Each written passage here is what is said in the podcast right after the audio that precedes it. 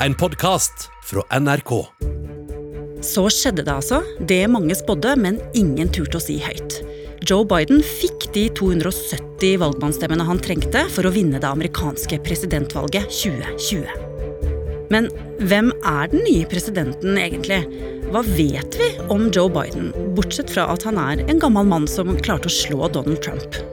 Det som viser seg når man begynner å se på livshistorien hans, er at han har hatt et langt mer dramatisk liv enn de aller fleste av oss. Så dramatisk at det nesten er imponerende at han orket å stille til valg i det hele tatt.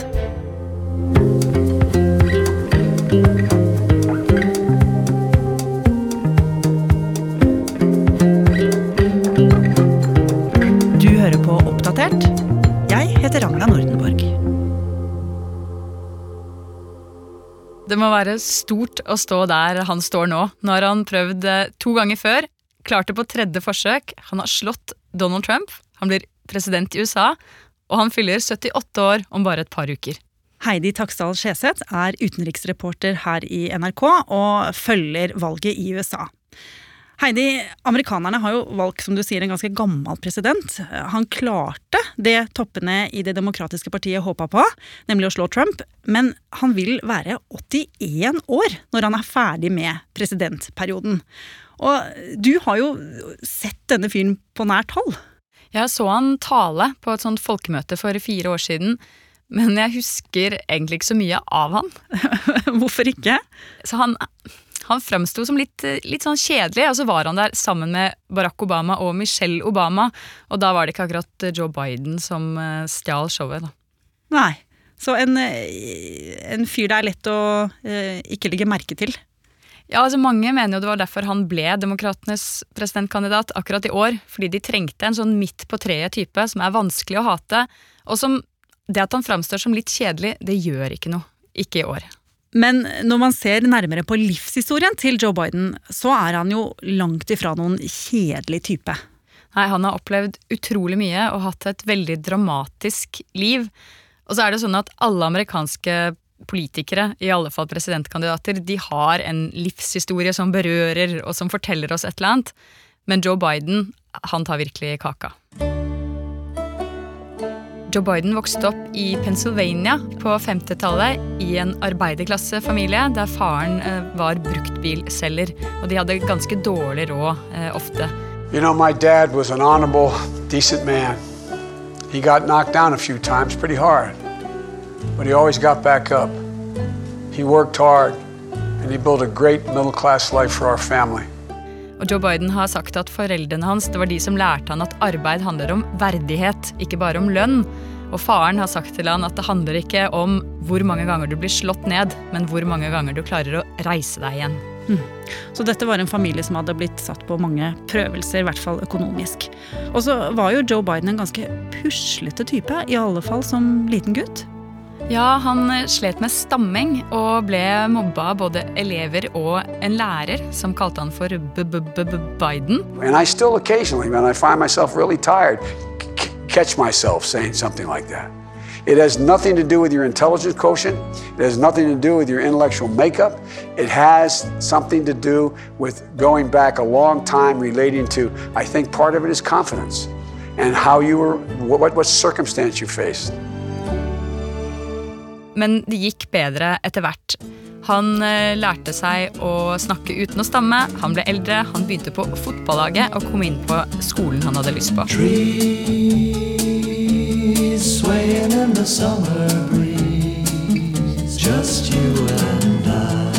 Og så, i 1964, så skjer det noe viktig.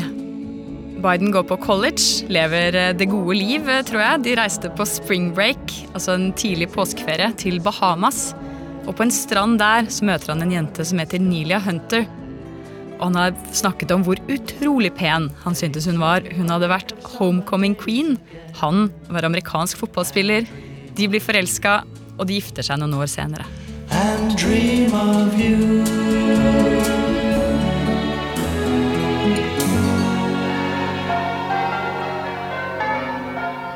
Ah, dette er jo som tatt ut av en romantisk film. Men Heidi, denne nydelige historien skulle jo ende ufattelig tragisk. Ja, noe så innmari òg. Vi skal til jula i 1972. Da var Biden akkurat valgt som senator fra Delaware. En av de yngste senatorene noensinne. Han var 29 år, og det er åtte år siden han og kona møttes.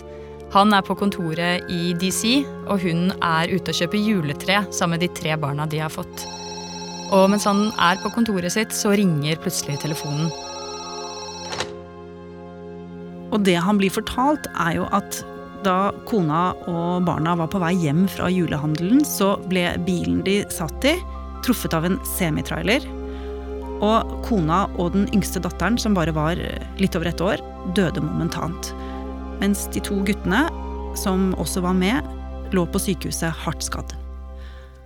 Og Joe Biden blir jo kastet ut i sitt livs mareritt. Han mister kona si, han blir eh, alenepappa for eh, to små gutter som eh, har mistet mammaen sin, og han selv er jo i dyp sorg.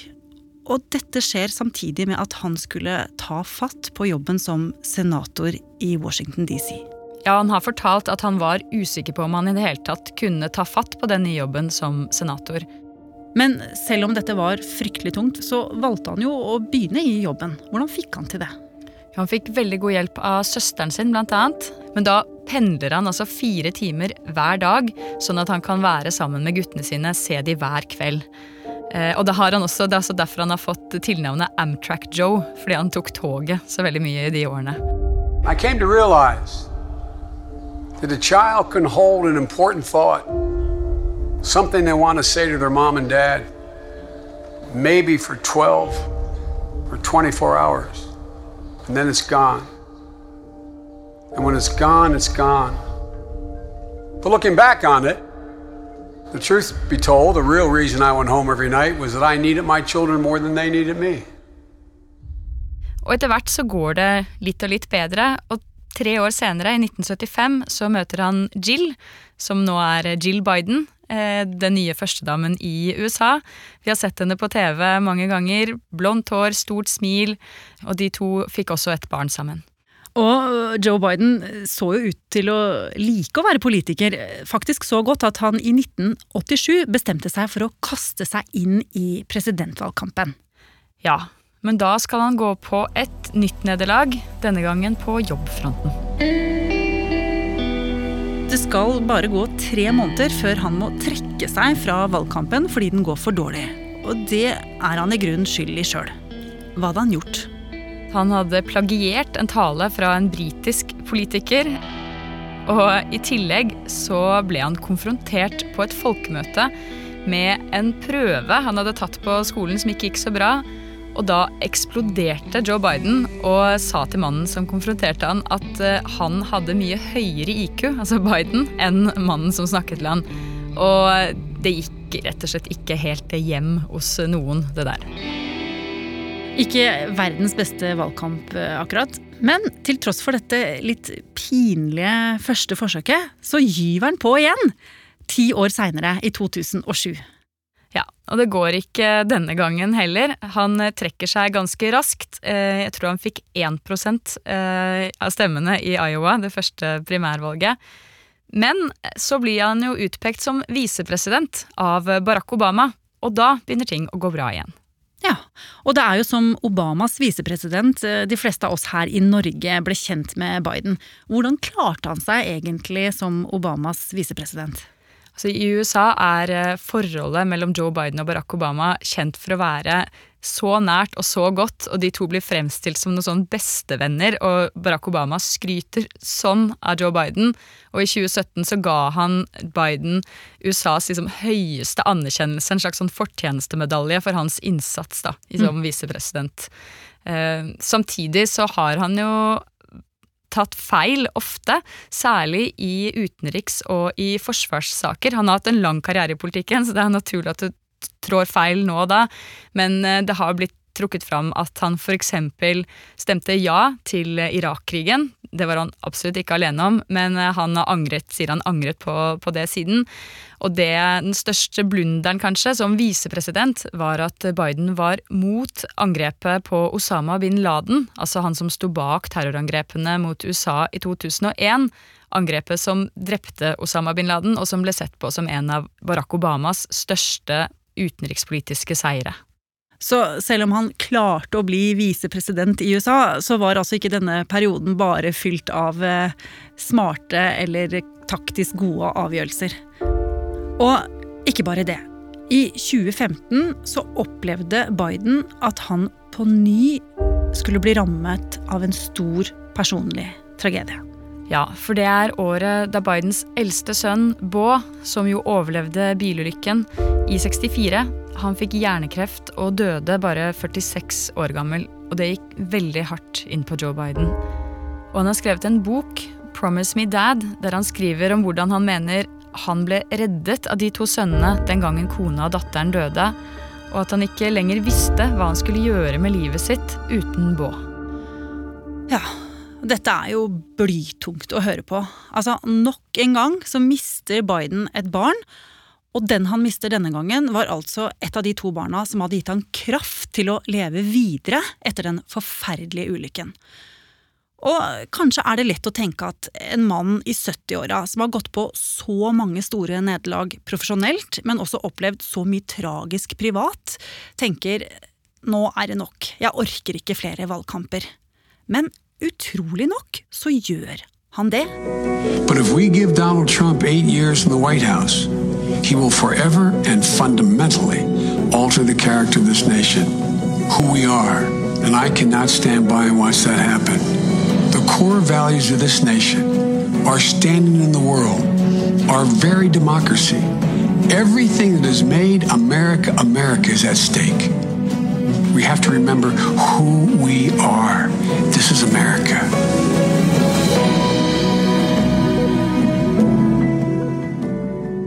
Og som 76-åring så annonserte han altså at han stiller som demokratenes presidentkandidat for tredje gang. Ja, og han var ikke alene om det. Det var 29 eh, kandidater til sammen. Det var mange interessante, spennende, unge, friske, erfarne. Masse folk å velge i. Men så ble det altså Joe Biden, den litt sånn stødige visepresidenten til Barack Obama, som ble valgt til partiets presidentkandidat. Blant annet fordi han ikke var for langt til venstre, og fordi han matchet Trump som type. Og mange mener jo at han har brukt fortida si, alle motbakkene, til å vinne velgere i USA. Hvordan har han klart det? Ja, det har vi, vi har sett det særlig nå under koronapandemien. Eh, Joe Biden har klart å trøste folk, og han sier han henvender seg Du ser det også på presidentdebattene, så har han sett rett inn i kamera så sier han 'jeg vet hvordan dere har det'. Dere som har mistet deres nærmeste, dere som har syke familiemedlemmer på sykehuset. Jeg vet hvordan dere har det. Og han har spilt veldig på dette empati at han har mye empati, eh, og kontrasten der til eh, Donald Trump, som jo fremstår eh, ganske røff i kantene ofte, den har vært stor. Og han har også snakka mye om at han ser verdien av et godt helsevesen for alle amerikanere. Han snakker om verdien av arbeid. Han vil heve minimumslønna til 15 dollar. Det er over dobbelt så mye som den er i dag, og kommer til å ha kjempestore konsekvenser for vanlige arbeidsfolk. Og han sier også at han vil investere mye i utdanning, og alt dette knytter han opp til sin egen historie og sin egen oppvekst, sine egne erfaringer. Let me take a moment to speak to those of you who have lost the. I have some idea how it feels to lose someone you love. I know that deep black hole that opens up in the middle of your chest and you feel like you're being sucked into it. I found the best way through pain and loss and grief is to find purpose. Men har han brukt fortida si for kynisk? Som vi sa i starten av denne episoden, alle amerikanske politikere har en emosjonell og en rørende oppveksthistorie som de knytter til sitt politiske prosjekt. Det må du ha hvis du skal noe sted. Ja. Eh, og amerikanere liker å bli kjent med politikerne sine. De vil vite hvem de er, hvor de kommer fra og hva som er viktig for dem. Ok, nå ser det jo ut til at eh, Joe Biden blir den neste amerikanske presidenten. Altså Jeg sier det på den måten, for eh, søksmålene hagler jo fra Trump-leiren. Men det at han har eh, knyttet en del av sine personlige erfaringer opp til politikken, det har vi nå lært. Men kommer han til å få omsatt noe av dette her til praktisk politikk? Ja, Det er jo det store spørsmålet. Demokratene beholder flertallet i Representantenes hus, eh, men vi vet ikke hva som skjer med Senatet. Og hvis Senatet forblir republikansk, så kommer det til å begrense Joe Bidens spillerom ganske mye. Så det er fortsatt uklart til hvilken grad Joe Biden kommer til å klare å endre USA.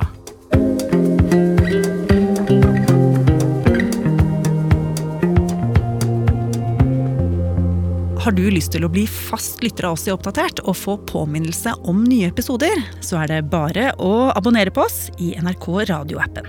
Og så er det veldig hyggelig hvis du vil anbefale oss til en venn.